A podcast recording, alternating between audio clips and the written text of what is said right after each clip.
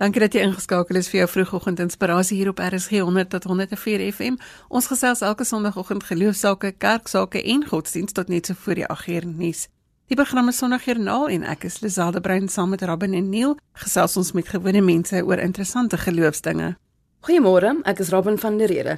Die gaste wie se stories ons vanoggend vasvang is Dominee Nelis Jansen van Rensburg, die voorsitter van die Algemene Sinode Moderamen van die NG Kerk en die prokureur Nadine Blom gesels met ons oor mensehandel. Ons fokus val hierdie maand op vroue en alhoewel dit nie net vroue is wat hierin vasgevang word nie, is vroue en kinders gewoonlik die teiken van mensehandelaars.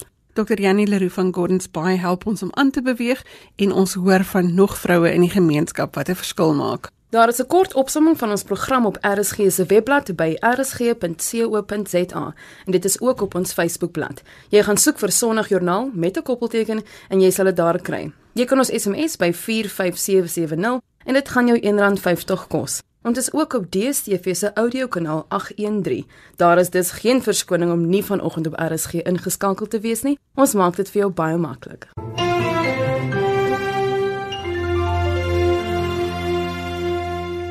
Dominelis Jansen van Rensburg kuier vanoggend saam met ons in die ateljee. Hy is die voorsitter van die Moderamen van die NG Kerk Algemene Sinode. Goeiemôre Nelis. Môre Lisel.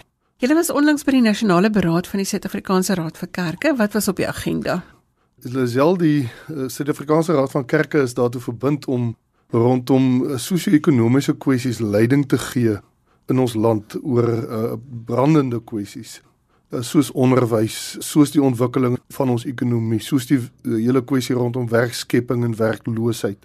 Kwessies wat regtig ons mense baie baie omvattend raak. En die oortuiging het binne die Suid-Afrikaanse Raad van Kerk ontstaan dat daar vanuit die kerklike geleedere moreel etiese riglyne gegee moet word aan die staat en ander rolspelers in Suid-Afrika. Die kerk moet 'n helder en 'n duidelike stem hê rondom hierdie kwessies omdat dit mense se lewens so direk raak en die beraad uh, strek oor 3 sessies. In hierdie was die tweede sessie van die beraad gewees en tydens hierdie beraad word kundiges uit die verskillende velde ekonomie, uit die onderwys, uit ander sosiale dissiplines ingenooi om saam met die kerkleiers te besin oor hierdie sake en te kyk of daar standpunte veral waardes gevorm kan word sodat ons daaroor getuienis kan lewer teenoor die staat en ander rolspelers in ons land. Een van hierdie brandende kwessies wat jy nou na verwys het, is grond. Dit is 'n kwessie in Suid-Afrika op die oomblik. Watter insette maak die kerk vir hierdie gesprek en dan nou vir sy lidmate? Dis ja, grond is hierdie aard van die saak op die oomblik seker die mees brandende kwessie in ons land. Dis 'n baie sleutelfaktor rondom in die in die ekonomie van ons land. Maar grond het vir mense ook ander waarde. Grond het ekonomiese waarde uit die aard van die saak. Grond speel 'n baie belangrike rol en kom ons praat nou eers net oor kommersiële landbougrond groot rol wat dit speel in die totale voedselketting. Grond het plaasgrond, landbougrond het geweldige emosionele waarde vir mense, dit het finansiële waarde. So grond is vir mense van groot belang. Vir huidige kommersiële boere is hierdie debat 'n baie onseënende debat. Dit is 'n debat wat baie ontwrigtend is. Mense voel bedreig daardeur. Vir ander mense wat nie toegang gehad het vir 'n tyd lank tot kommersiële landbougrond nie, geld al hierdie waardes natuurlik ook. En ons het dit nou gesien in die byeenkomste wat gehou is met hoeveel drif mense deelgeneem het van alle perspektiewe deelgeneem het aan hierdie gesprek. Die NG Kerk is baie duidelik in sy standpunt oor die moontlike wysiging van artikel 25 van die grondwet. Ons dink nie die grondwet moet gewysig word nie. Ons dink die grondwet is 100% voldoende sodat die staat sy plig kan doen om te ontwikkel waar ontwikkeling nodig is en te herverdeel waar herverdeel moet word. Ons dink ook nie die narratief wat geskep is deur mense soos meneer Malema dat die huidige boere en veral blanke boere hulle grond gesteel het dat dit waar is nie. Dis nie 'n korrekte weergawe van die geskiedenis nie. Trouwens as mense wat later ingekom het in Suid-Afrika en hier begin boer het, uitgeskakel moet word uit boerdery in Suid-Afrika, dan behoort uh, daar baie min van die aanspraakmakers wat nou aanspraak maak op grond toegang te verkry tot grond. Ons is in diep gesprek met die Khoisan mense of die afstammelinge van die mense oor hulle aansprake wat nie noodwendige aanspraak is op kommersiële landbougrond nie. So dit is ons posisie. Ons het 'n voorlegging voorberei wat ingestuur is na die parlementêre komitee. Toe in daai komitee het ons helder en duidelik gesê ons dink nie die regering het sy plig nagekom sy mandaat wat in die grondwet aan hom gegee is sedert 1996 om die nodige maatreëls te tref om grond te hervorm in die land nie. Ons dink hulle het dit swak hanteer. Daar's geweldige aanduidings van korrupsie wat plaasgevind het. Titelaktes is nie oorgedra nie. Boere is nie bemagtig daarom om regtig te kan effektief toetree tot kommersiële landbou nie en daar moes baie meer gedoen gewees het om hierdie boere te help. Maar as ek dit klaar gesê het, kom ons kyk na die toekoms. Daar's 'n geweldige welwillendheid onder die landbouers in Suid-Afrika om mense te help om toe te tree tot die landbou. Ons is in voortdurende kontak met landbouorganisasies. Die president van AgriSA is 'n lid van die NG Kerk se komitee oor grondsake grondhervorming. So daar's noue interaksie. En ons weet dat ons uh landbouers se gesindheid so is dat hulle dit wat hulle kan doen sal doen en daar's baie En daar is reeds baie modelle ontwikkel van ontwikkeling van uh opkomende swart deelnemers aan die kommersiële landbou. Maar die gronddebat gaan nie net oor landbougrond nie. Die gronddebat gaan veral vir die meeste swart mense oor woonreg en oor verblyf in stede en in voorstedelike gebiede. En laat ons dadelik vir mekaar sê, daar moet ons saglik baie gedoen word. Die regering het baie gedoen, het 6 miljoen huise gebou en oor 'n tydperk van jare. Maar baie van die huise se titelaktes is nie oorgedra nie. Ons het in vroeg in 2017 saam met die Institute for Justice and Reconciliation 'n baie mooi konferensie gehad saam met uh, nie regeringsorganisasies en regeringslei oor titelaktes. En dit was uit daai konferensie vir ons as NG Kerk baie baie duidelik dat daar 'n klomp werk gedoen moet word om mense verder te bemagtig om toe te tree tot die ekonomie en dat daar inderdaad groot ruimte is vir uitbreiding van titelaktes. Maar daar is ook plekke in ons land waar mense op mekaar letterlik op een gehoop is vanweë 'n gebrek aan uitbreiding van stedelike en voorstedelike verblyfgrond. So daar's 'n geweldige hoeveelheid werk wat gedoen moet word en kan word. Ons glo in beter samewerking. Die staat se verhouding met die burgerlike samelewing gaan bepalend wees vir hoe ons toekoms lyk. Die welwillendheid is daar. Politici maak dat mense glo almal in Suid-Afrika is rasiste almal in Suid-Afrika is nie so opgestel teens mekaar dat ons mekaar alles misken nie. Inteendeel. Inteendeel, die mense van Suid-Afrika, die groter meerderheid wil saamwerk en wil konstruktiewe oplossings soek. Ek wil konstruktiewe verskil maak. Ons hoor heelwat daarvan in ons program. Absoluut. En kan ek nou maar sê ons landbouers staan in die voorpunt daarvan is bereid om risiko's aan te gaan, finansiële lenings aan te gaan om opkomende boere te help boer en toe te tree op 'n effektiewe en 'n volhoubare manier tot die landbou. En daar's soos ek sê 'n klomp modelle. Ons glo dat daar nie sal vrede wees as ons nie 'n breër toegang bewerkstellig vir die meerderheid Suid-Afrikaners, vir alle Suid-Afrikaners tot alle sektore van die ekonomie nie. En die landbou is een daarvan. Julle kan ek nou vir jou vra, hoe moet ons as gelowiges nou oor hierdie kwessie dink? en daarmee omgaan. Laat ek dadelik sê, dit wat in gemeenskappe moet gebeur, in plaaslike gemeenskappe is eintlik die heel belangrikste. En die bou van verhoudings oor tussen gemeenskappe in plaaslike kontekste is krities belangrik sodat hulle goed geluister word, goed gehoor word wat mense se behoeftes is. Die navorsing sê meer as 90% van mense wat nou grondeise ingedien het, sê hulle wil eintlik die geld hê. En dis bona fide. Daar is finansiële waarde daaraan te koppel. Op plaaslike vlak glo ek moet gelowiges oor grense met mekaar 'n gesprek wees, na mekaar luister, mekaar se behoeftes hoor en ek is seker daarvan as mense en veral gelowiges mekaar oor grense gaan hoor, gaan die meeste van die angel uit hierdie hele gesprek uitgeneem kan word. En sal mense mekaar kan ontmoet rondom behoeftes en mekaar kan help om behoeftes te bevredig. Wat is ons verantwoordelikheid as gelowiges om politici verantwoordbaar te hou vir dit wat hulle sê en dit wat hulle doen? Wie ek voel verskriklik sterk hieroor. Dit is in die media gerapporteer dat uh, ons by geleentheid met die EFF in gesprek was byvoorbeeld. Ons was ook onlangs met die Vryheidsfront Plus in gesprek. En ons boodskap was baie duidelik. Aan meneer Malema was ons boodskap byvoorbeeld baie duidelik oor 'n kwessie soos plaasmoorde. Ons hou nie meneer Malema persoonlik verantwoordelik vir moorde op plase nie. Ons hou hom persoonlik verantwoordelik en alle ander politieke leiers vir uitsprake wat hulle maak. Wat byvoorbeeld sê remove the farmers. Daar is mense of hy dit nou so bedoel of nie. En dit het ons vir hom baie duidelik gesê. Daar is mense wat dit hoor asof hulle nou 'n ding moet loop vat en die naaste plaaseienaar van sy plaas moet gaan verwyder met geweld. En ons het dit vir hom gesê, ons politieke leiers het 'n verantwoordelikheid. En wat hulle op die oomblik doen is, is hulle jaag rasse spanning op ter wille van klein politieke gewin. Dis nie verantwoordelik nie. En daarom moet die kerk hard en duidelik teenoor hulle getuig. Ons het 'n beroep gedoen op die Christene in die EFF en in hulle leierskap is daar 'n klomp mense wat hulle Christendom bely. Ons het 'n beroep op hulle gedoen om verantwoordelik op te tree sodat hulle nie die mense van ons land in polariteite indryf nie. Of hulle aan ons gehoor gee, dis 'n ander vraag, maar ons lewer die getuienis. En ons is nie bang om daai getuienis te lewer nie. Ons sal dit bly lewer teenoor alle politici. Ons het 'n minuut om saam te vat dit wat ons nou oor gepraat het, 'n boodskap aan gelowiges oor die kerk se standpunt oor die grondkwessie. Ek is oortuig daarvan ons het nie nodig om hoop te verloor in hierdie situasie nie. Ek is doodseker daarvan ons is hier, ons het 'n roeping, ons moet 'n rol speel alle gelowiges in Suid-Afrika en dis vir al gelowiges se se opgaaf om na mekaar te luister, mekaar se hande te vat, mekaar se behoeftes te verstaan en te begryp en mekaar te akkommodeer. Maar dit moet die regering nie op ons afdwing nie. En daarom moet gelowiges die inisiatief neem en vir die wêreld wys ons kan dit beter hanteer as om mekaar te vervreem. Ja, dis baie dankie vir die saamgesels vanoggend. Baie dankie. En so gesels Dominee Nelis Jansen van Rensburg, voorsitter van die Algemene Sinode van die NG Kerk se Moderamen hier saam met ons in die ateljee. Goeiemôre, as jy nou net ingeskakel het. Jy luister na Sondagjoernaal waar ons geloof en godsdiens gesels op RSG 100 tot 104 FM.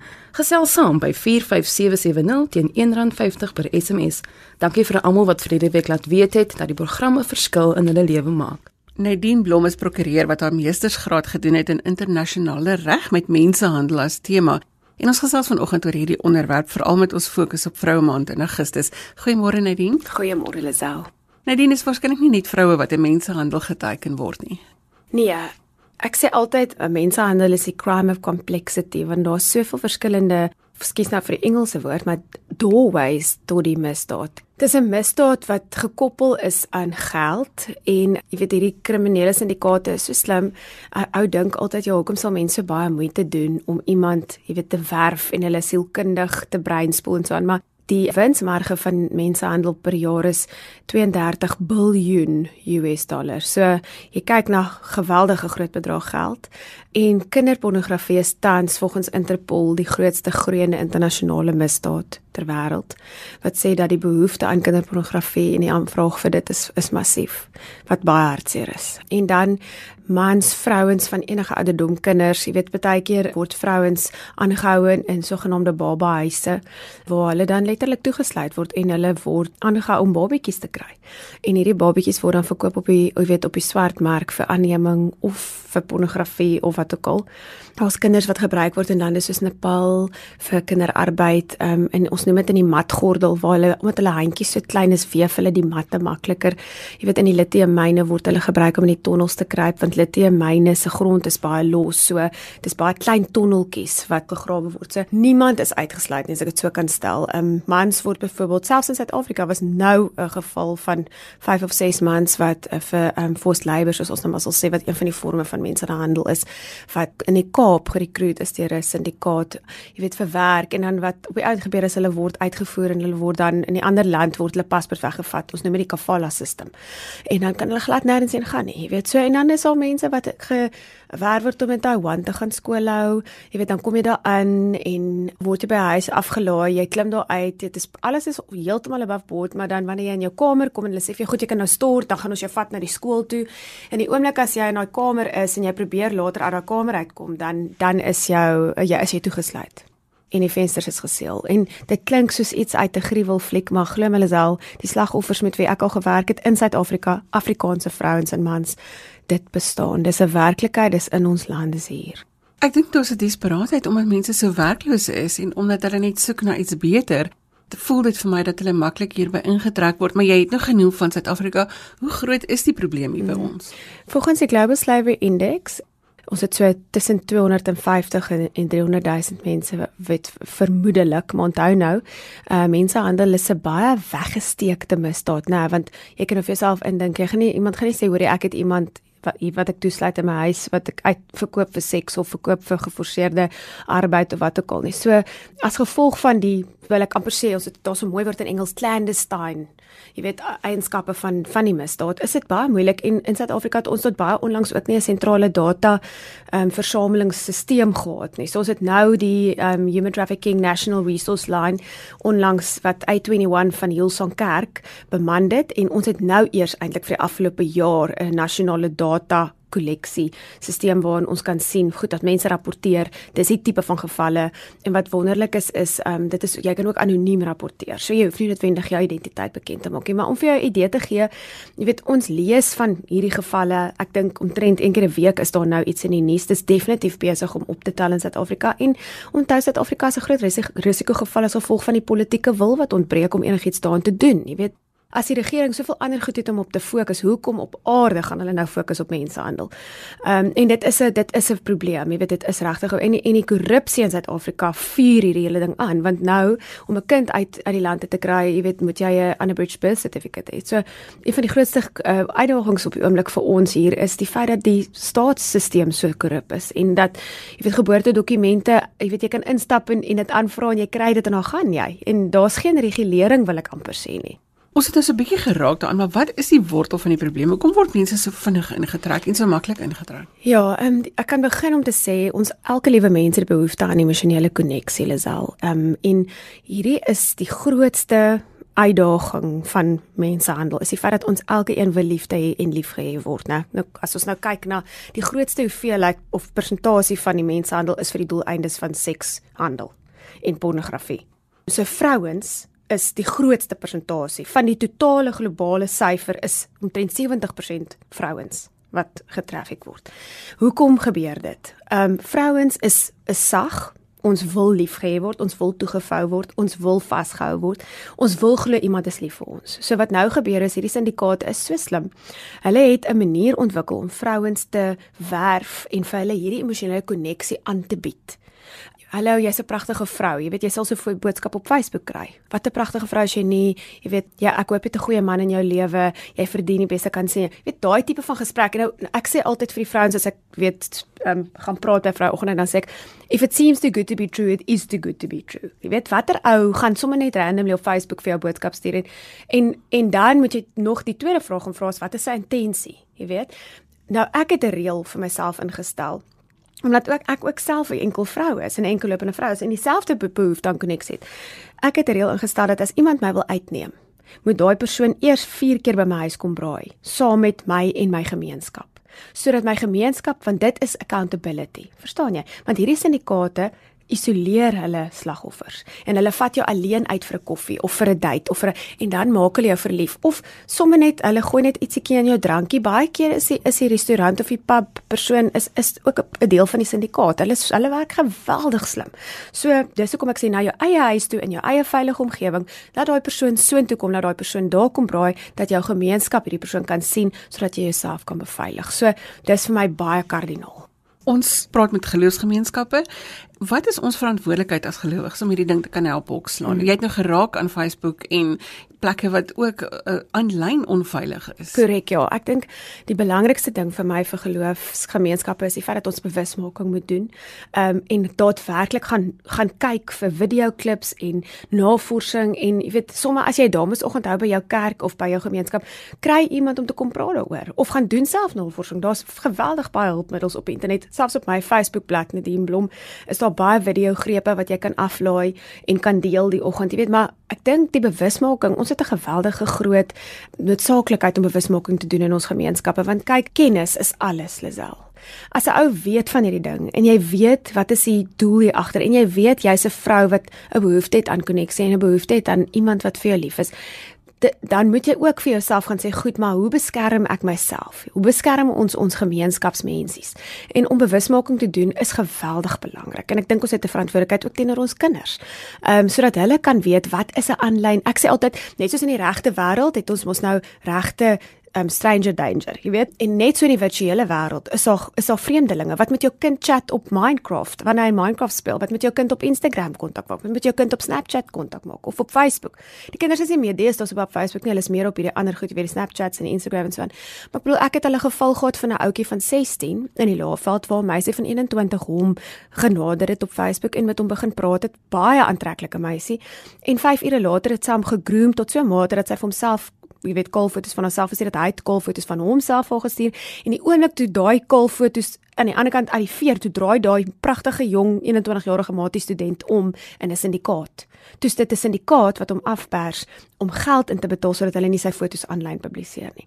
En dis die realiteit. So ons met ons kinders en ons vrouens en ons mans inlig oor hierdie goed. Dit is nie daar ver nie, dis 'n realiteit. En jy moet sorg dat jou identiteit gefestig is. Absoluut. En sorg dat jou kinders se identiteit gefestig is, dat hulle weet waar hulle identiteit lê. Ja, want ek dink 'n groot 'n groot deel daarvan is ons gaan soek baie keer en veral ons as vrouens. Ons gaan soek ons identiteit en ons oukei wees in 'n man en in 'n verhouding. Maar as ons nie in God weet en in Christus weet hoe lief hy ons het nie. Ek sê altyd ons as mense het ekosisteme en daai ekosisteme kry seer in ons kindertyd of deur trauma wat ons gaan en dit los gaatjies. En as ons nie terug gaan in die Here gaan vra om daai gaatjies vir ons uit te wys en te vul nie, dan gaan soek ons 'n maatjie wat daai gaatjies kom vul. Maar dan die probleem is gebroke trek gebroke. Heel trek heel né, trek heel aan. So as ons gebroken is en ons is stikkend, gaan ons stikkend aantrek. Daarom is dit so belangrik en ek sê dit nie vanuit 'n plek waar ek preek nie. Ek self moes my eie gaatjies gaan kry. Ek self moes vir die Here vra, Here, wys vir my waar's my ek sê my blinde kolle, want ek het blinde kolle. En dit het my lank gevat om te besef dat daar is gaatjies en net God kan daai identiteit, want hy het jou perfek in sy beeld geskape. Die Here weet wat jy nodig het, hy weet wat vir jou bedoel is. En as dit beteken jy moet wag vir 4 jaar of vir 5 jaar of vir 8 jaar tot die regte persoon kom, dan wag jy. Maar wees bewus van die feit dat dat mens blinde kolle het. Nadine baie dankie dat jy vir ons vanoggend gehelp het om mense bewus te maak van die gevare daar buite en dat hierdie 'n realiteit is en nie net 'n thriller verhaal op die skerm nie. Dankie Lisel. Wees versigtig en wees veral versigtig op sosiale media. Lisel sê elke Sondag ons moet uittrek na mense en dit is so belangrik want dan kan jy help as jy sien dinge gaan iewers verkeerd met ongewenste elemente. Waarsku jou kinders, hou hulle veilig. Dis net soveel ons verantwoordelikheid om hierdie siklus van mishandeling te probeer keer. Wanneer vroue besluit om 'n verandering in hulle gemeenskap te maak, is daar nie veel wat hulle stop nie. Ek het gaan kuier by 'n groep vrywilligers wat op Wellington sorg dat daar verandering kom. Goeiemôre, my naam is BT Rauda. Ek is betrokke by Maas vir Wellington vir die afgelope 11 jaar. Ons het ook twee mans wat vir ons help en ons kom by mekaar op 'n Dinsdag en op 'n Donderdagoggend. Ons is nie 'n crash nie, ons is nie 'n skoolkie nie. Ons is net 'n organisasie wat ouers help in ons gemeenskap wat nie kan bekostig om hulle kinders by 'n dagsorg, by 'n crash of by 'n kleuterskool kan insit nie. Die doel vir ons organisasie, vir ons daar wees, is om ons kinders te lei, om hulle lief te hê, om hulle te beskerm, maar om ook vir hulle om te gee. Ons kry nie finansiële hulp by die staat, maar ons word baie geseën deur donasies wat ons kry, finansiëel of in die vorm van kos, broodjies, sop, klere, skoene, komberse, selfs in die wintermaande waar die kinders warm slaapsakke kry en ook warm missies en skaafs. Serpe, soos ons dit noem. Pietie, sê vir my hoe het jy betrokke geraak by Maas vir Wellington? Okay. Ek het 'n kursus in kindersorg gedoen.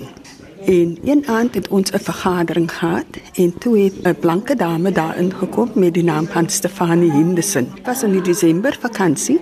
Sy moes op vakansie gaan en sy het 'n paar vroue gesoek om vir haar hand te gee met die uitdeel van broodjies, koeldranke en vrugte. Ons was 12 vroue wat die kursus gedoen het en ons het toe begin help. Ek was die enigste een wat oorgebly het van die 12 vroue.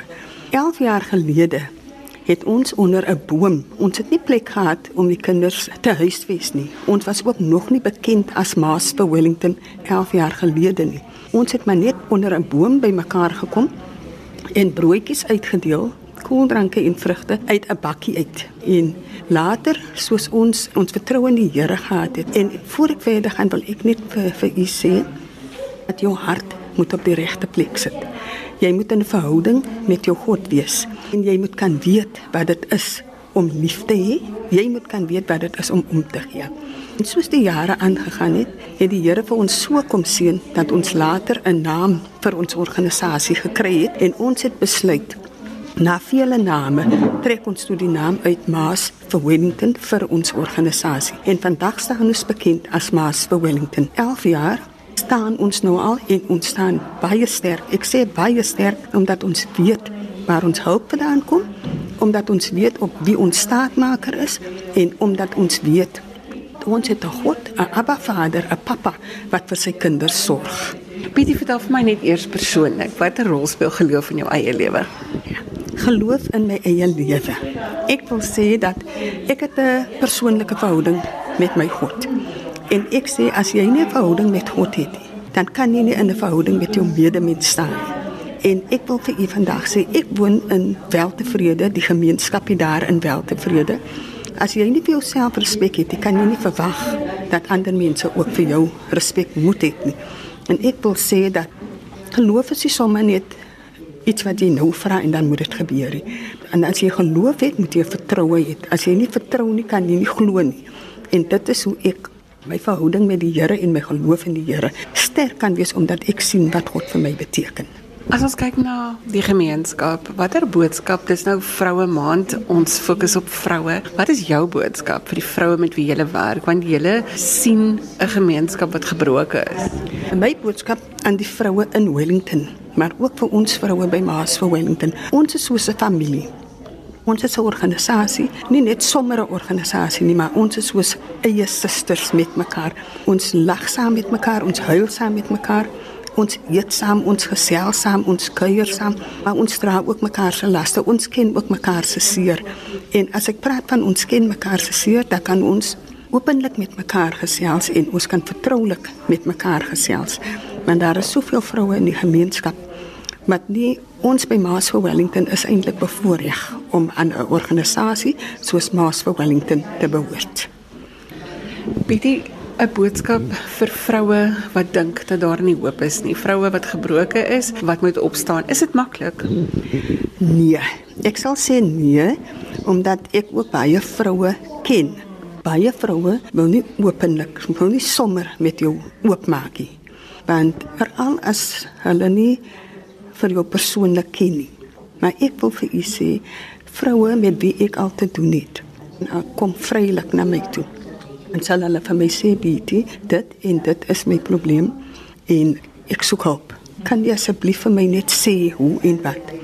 En baie keer as jy met 'n persoon praat wat seer het wat gebroken is wat nie in die omstandighede is ons omstandighede is mos verskillend. En ek sê altyd vir die Here dankie dat ek nie in so omstandighede is nie. Maar jy gaan nie sommer met die deur in die huis val nie. As 'n vrou na jou toe kom en vir jou sê dat dit en dit is my probleem. Luister. Luister eers goed voor jy antwoord.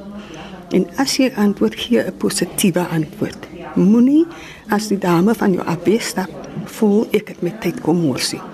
As iemand na jou toe kom met seer, met ongelukkig voel, praat met die dame, sê vir haar dat Jesus is die enigste oplossing. Dat baat nie jy gaan van mens tot mens nie, dan mense stel vir ons te leer.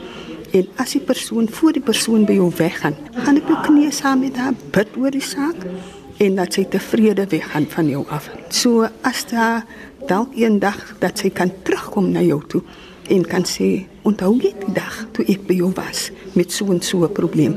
Dankie man, ek het vir jou, ek het jou raad gevolg. Maar stuur haar ook weg met 'n boodskap. Gee ook vir haar 'n skrif in die Bybel wat sê is wat die woord van God sê, nie wat ek sê nie. Ek wil net vir die vroue daar buite bemoedig om vir hulle te sê dat jy hoef nie te twyfel nie. Al lyk die wêreld vir jou hoe donker daar buite, daar's altyd lig en as jy jou oë gefestig hou op koning Jesus en vir hom jou hart uitstort by hom en vir hom sê wat jou probleem is, dan sal God vir jou sê ek wil sommer vir jou skrif gee vir oggend met. Ek wil vir jou sê my geliefkoeste teks, uh, Jeremia 29 vers 11. As jy voel jou toekoms is donker, Dan gee ek vir oggend vir jou Jeremia hoofstuk 29 vers 11, waar die Here vir jou sê hy het vir jou 'n hoopvolle toekoms. Lees die skrif want dit is waar God vir ons sê. Daar is hoop in hierdie donker wêreld. BT Roda is deel van die Maas vir Wellington projek. Jy luister na Sondagjoernaal vir die wat sopas by ons aangesluit het. Ons gesels met mense oor hulle leefwêreld en hoe geloof 'n verskil maak. Jy kan saamgesels op ons SMS-lyn by 45770 teen R1.50 per SMS of gaan los vir ons se boodskap op Sondagjoernaal se Facebook bladsy.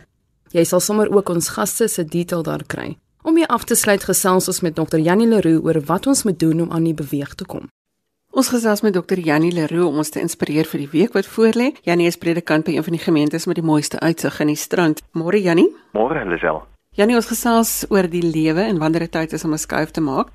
As ook dan is sommer ook hoe om hierdie skuif te maak. Hoekom is hierdie onderwerp belangrik? Ek dink die belangrike is dat almal van ons kom op een of ander manier in 'n fase waar jy iets anders beleef en iets anders moet doen. En ek het nou die dag vir jare en ek het skielik besef, ons is geneig om ons nuwejaarsvoornemens aan die begin van 'n jaar te maak. Maar eintlik moet ons dit met elke verjaarsdag maak want dit is eintlik jou nuwe jaar.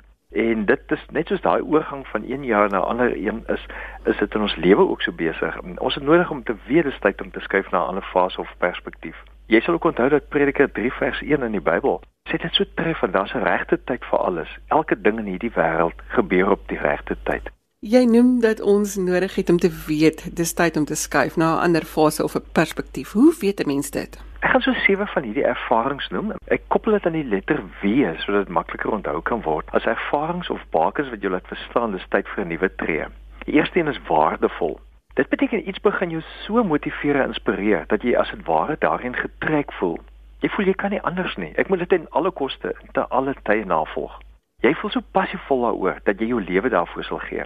Byvoorbeeld in die keuse van 'n lewensmaat. Jy kies om die res van jou lewe saam met daardie persoon deur te bring. So waardevol is hy of sy vir jou. Jy voel as dit ware oorweldig deur hierdie waarde en dat jy dit moet bly leef. Dan die tweede een sou ek noem welslaa. Met ander woorde iets begin reg uitwerk vir jou en jy ervaar waardering daarvoor. Die rigting wat jy dan in begin beweeg bring al hoe meer deurbrake en sukses. En dan weet jy dat jy meer in daardie rigting kan beweeg. Die derde een is wanhoop. Jy kom agter, ek gaan nie verder hier kan oorleef nie. My siel is besig om te kwyn. Ek gaan dood hier. Jy sien nie meer 'n vreugdevolle toekoms vir jou nie en jy sien nie eens meer 'n vreugdevolle dag nie. So jy wanhoop oorweldig jou. 'n Vierde een, woede. Jy is so kwaad omdat jy verontreg voel. Jy loop elke dag met aggressie in daai situasie in. Jy kry nie eens met die aggressie uit jou lyf as jy iets anders doen nie. So daai woede neem totaal van jou oor. En vyfde een is wantroue. Jy voel jy kan die mense nie meer vertrou nie, jy kan die stelsel nie meer vertrou nie. Jy kan nie reken op die beloftes wat hulle maak nie. Jy voel jou karakter en jou beginsels word so ondergrawe dat jy nie verder hier kan aangaan nie of in hierdie situasie kan bly nie. En sesde een is weerstand. Alles in jou kom in opstand om nog aan te gaan elke dag is 'n gesukkel om te dink ek moet dit weer doen, ek moet weer in die situasie ingaan. Ek sien nie kans om dit weer te doen nie. Jy begin self al hoe meer weerstand bied teen verwagtinge. En dan die laaste een wat ek sal noem, die sewende een is wedergebore. Dis wanneer iets so lewensingrypends gebeur dat jy nie meer dieselfde jy is wat met dieselfde goed kan aangaan nie. Ek onthou die dokter het vir my gesê na al die bloedklonte in my longe het hy gesê jy moet meer na jou hart luister. Nou hy het dit simbolies bedoel, maar somehow dit op 'n manier beteken dat Iets moet 'n tipe wedergeboorte in jou raak vir 'n nuwe seisoen. Jy voel jy het 'n nuwe kans op lewe en dis 'n nuwe lewe, jy moet dit eenvoudig aangryp. En dikwels gebeur hierdie tipe ding na 'n ingrypende insident of besef. Jy het genoem nou van as 'n mens woede beleef, sou dit beteken dat byvoorbeeld as jy hierdie woede beleef, dat jy onmiddellik uit jou werk of uit jou verhouding moet bedank? tyd vir 'n nuwe tree of 'n skuif hoef nie noodwendig so dramaties te wees dat jy onmiddellik uit jou werk bedank, al jou geld neem en land uit gaan nie. Dikwels is dit tyd om te skuif in jou perspektief. Want jy sien die nuwe tree begin in jou gedagtes, of eintlik kan 'n mens sê die nuwe tree begin in jou geloof. En dan aksie wat jy dan daarmee neem. Jy neem 'n tree in daardie geloof. Ek onthou toe koning Dawid byvoorbeeld as koning gesalf is lees ons daar in 1 Samuel, hy het nie dadelik gegaan die koningskap van Saul omver gegooi nie. Inteendeel was 'n baie langer proses waarin hy eers ingegroei het as soldaat en leier. So hy moes reken op God se trou en dat God die situasie sal verander. Maar dis 'n tree wat hy in geloof neem omdat hy gesalf is in daardie rigting, geseën is in daardie rigting. So Dawid moes net sy beste doen met wat opduik en sy beste talente en sy diepste geloofsvertroue na vore bring. En hy was nie seker van die uitkoms nie, maar hy was seker van God en dis die rigting waarna hy beweeg in. Ek onthou Martin Luther King Jr het gesê, "Take the first step in faith. You don't have to see the whole staircase. Just take the first step." Ja nee, is daar nie gevaar dat 'n mens kan weghardloop van jou probleme nie? Hoe onderskei jy tussen weghardloop en 'n skuif maak? Kom ek noem vyf goed wat vir almal vir ons 'n belangrike rol speel in hierdie skuifmakery. Jy kan dit vyf vrae neem om te weet dis wanneer ek kan en selfs moet skuif. En ek gaan weer die letter W gebruik om hierdie vyf deurslaggewende rigtingwysers te beskryf. Die eerste een is wow. Dit het te maak met waarmee jy opgewonde en passievol is. Dis jou diepste waarom. Dis die rede hoekom jy alles doen. Dis hy gevoel van wow wat jy kry as jy in hierdie rigting is. Jy wil niks anders meer as dit doen of beleef nie. Dis hy gevoel van tevredenheid. Ek is besig met waarmee ek nou besig moet wees. So dis sal vir jou belangrik wees om nie net weg te hardloop nie, want dan reageer jy op jou vrees en nie op jou wow nie. Dan moet 'n wow in die prentjie opkom. Janie, jy noem nou 'n interessante manier om te toets of jy in die regte rigting gaan beweeg. Is daar nog wat jy met ons kan deel? Van die manier om te toets of jy in die regte rigting beweeg is om jou lyf se IQ toets te doen, as ek dit so kan stel. As jy visualiseer 'n prentjie vorm in watter rigting jy sou wou gaan en waar jou diepste passie en jou diepste vreugde sal wees, en jou lyf gee vir jou die gevoel dat jy voel jy word groter of jy voel jy kan meer na buite gaan met jou lyf. Das is waarskynlik die rigting waar jy moet gaan. Maar as jou lyf half na binne trek, jy voel half jy kan nie asem kry nie, is 'n beklemming. Jy raak minder dan is dit nie die rigting waarna jy moet gaan nie. So die tweede W is waarheid. Waarheid het te doen met die vraag: Waar is ek nou? Waar is ek nou in my lewe? Waar is ek nou in my toekoms? Waar is ek nou in my drome? Waar is ek regtig nou? En dit het ook natuurlik te doen met die vraag: Wat is my waarheid? Wat is die waarheid wat nou oor my gesê kan word? Is ek werklik wie ek nou is of moet wees? So jy kyk na jou waarheid en wonder, is dit die storie wat ek vir myself vertel of is dit regtig die waarheid oor my situasie? Nou die situasie waarin jy nou is, het meestal nie net oornag gekom nie. Natuurlik kan dit oornag kom. Maar meer dikwels is dit 'n situasie wat al met tyd aankom en waarop dit nou vir jou voel ek moet hierdie waarheid in die oë kyk. So jy moet weet wat die waarheid van jou is. Ek is nou nogal wanneer ek gestres is of in 'n spanningsvolle situasie is, dan gebeur dit al hoe meer dikwels en dalk maar hoe ouer ek word dat ek nou my aansoek gaan vat en loop. Hoe dan gemaak? Ek dink een wat gaan help naas die wow en die waarheid is jou waarheen. Nou, dis nogal 'n moeiliker een want mense is altyd seker nie. Natuurlik kan jy gebeur dat jy die omstandighede so skielike afdanking by werk dadelik aan iets anders moet begin. Maar die belangrike is om begin dink in watter rigting jy graag sou wou inslaan as als reg sou kon uitwerk. Want jy sien jou rigting bepaal jou resultate op jou jou destiny. So skryf verskillende opsies vir jou neer want dit maak jou moontlikheid van keuse net soveel beter. En dan neem jy die opsies wat vir jou die ideaalste lyk en dan op elke van nou die opsies neem jy 'n slegte situasie scenario, met ander woorde wat die slegste ding wat kan gebeur en ook 'n beste toekoms scenario. En dan het jy 'n plan wat jy begin maak vir wat gaan jy doen as die slegste ding gebeur. Wat is daai plan wat ek op die ou end gaan hê? Dit help jou so 'n bietjie om dit goed in perspektief te kry. Nou dikwels hoor mense kritiek oor jou waarheen. Maar tussen al die kritiese stemme deur is daar nog altyd Jesus, wie vir ewig altyd by ons is. Ek onthou toe jou Iris by Jesus kom hulp soek vir sy siek dogtertjie en sy sterf in die tyd wat hy by Jesus is. Toe kom maar mense wat hom afvra om verder met Jesus te praat. Maar dan sê Jesus vir hom in Markus 5: "Moet jou nie ontstel nie, bly maar net glo." En dan gaan genees Jesus die dogtertjie. Maar hoe hoe Jesus ons help? Bly maar net glo. Beweeg in die waarheid en die waarheen van jou wow. Maar neem nog iets in ag en dis nou die vierde eenheid en dit is waardes. Waardes is dit wat vir jou belangrik en ononderhandelbaar is. Dit is die goed wat vir jou lewe betekenis gee. Dis waarvoor jy staan, dis waarvoor jy leef. Jy moet let op die waardes wat jou gaan help in hierdie besluit en beweging. Dikwels is dit eerder 'n geval van en en. Jy kan meer as een waarde hê en jy kan ook waardes kies wat jou gaan help vir die nuwe fase. Byvoorbeeld as jy sekuriteit soek, gaan jy nie bedank voordat jy 'n ander werksaanbod aanvaar nie. So jy wil daai sekuriteit in plek hê. As jy sekuriteit en avontuur as waardes het, gaan jy werk soek wat beide daardie waardes gaan beklemtoon. Jy gaan byvoorbeeld in jou huidige werk aanbly, maar dan naweek het die avontuur begin aanpak waarheen jy wil gaan. Tot jy in 'n hele moment kan kom waar jy beide jou sekuriteit en jou avontuur kan beleef. Of jy soek na werk wat vir jou dan nou juis beide inkomste en avontuur gee. Dit geld van jou besluite rondom jou werk, jou verhouding, jou keuse van vriende, jou keuse van wat ook al, want dan jy kan jou waardes ook kies en dit beteken soek watter waardes vir jou gaan werk vir die nuwe pad waarna toe jy wil loop. Jy het nou vier waardes uitgelig wat jou kan help om 'n nuwe fase of perspektief te volg. Wat is die laaste een? Die laaste een maar glad nie die minste nie is wysheid. Goeie oordeel is iets hiervan. Dis op 'n manier om geestelik intelligent te wees. Jakobus nogal, hy nooi ons om vir God wysheid te vra en God sal dit gee beloof hy. Een van die vrae om te vra met die keuse wat jy wil maak om 'n nuwe te gee is, is dit wys? Anders gestel, is dit die moeite werd? En een van die beste maniere om dit te toets was, gaan dit 'n hemel ja of 'n hel nee wees? Ek stel so kras soos dit. Want as dit nie 'n hemel ja is nie, gaan jy in daai rigting beweeg nie. Maar as dit 'n hel nee is, dan moet jy definitief bly waar jy nou is. Nou wys dit te maak met die onderskeiding of dit nou die tyd is of wanneer die tyd is. Wanneer jy jou waarheid weet oor jou situasie, die wow was ook waarheen wat jy het dan in lyn met jou waardes. Dan kan jy soms sê dis wat ek nou gaan doen. Ek gaan eers hierdie jaar klaarmaak en meer uitvind oor wat nodig is. My punt is jy begin dink oor jou toekoms en jy maak ander keuses rondom jou toekoms. En onthou, wonderwerke van Jesus is natuurlik nie buite wysheid nie. Dit gebeur ook om ons te help. Dikwels is die verandering van perspektief die wonderwerk wat gebeur. En dis ook die tree wat jy dan neem. Ek onthou vir Paulus in 2 Korintiërs 12 waar hy besef dat sy doring in die vlees daar gaan bly en nou moet hy leer om daarmee saam te leef vanuit die genade van Jesus. En hy kry dan die perspektief Jesus se genade is genoeg. Die belangrike is, daar kom 'n tyd om te kies en dan die tree te neem wat jy moet neem. Miskien moet ons meer die gebed bid van Reinhold Nieboer. God, gee my die kalmte om die dinge te aanvaar wat ek nie kan verander nie. Die moed om die dinge te verander wat ek kan en die wysheid om die verskil te weet. Dankie Jannie, dankie dat jy ons gehelp het 'n bietjie inspirasie en al die fokus op al die wees en hoe om 'n skuif te maak, hoe om 'n besluit te maak. Jy kan al hierdie wees gaan kry by Jannie se blog by jannieleroux.co.za en ons sal ook 'n kort weergawe daarvan op ons Facebookbladsy gee. Dankie Jannie vir die saamgesels vanoggend. Baie dankie, dit was heerlik. En met daardie boodskap is ons aan die einde van vandag se Sondagjoernaal. Onthou, jy kan ons ook op potgooi kry op RSG se webwerf by rsg.co.za. Ons gaste vanoggend was Dominee Nelis Jansen van Rensburg, Nadine Blom, Pietie Roda en Dr. Janie Leroux.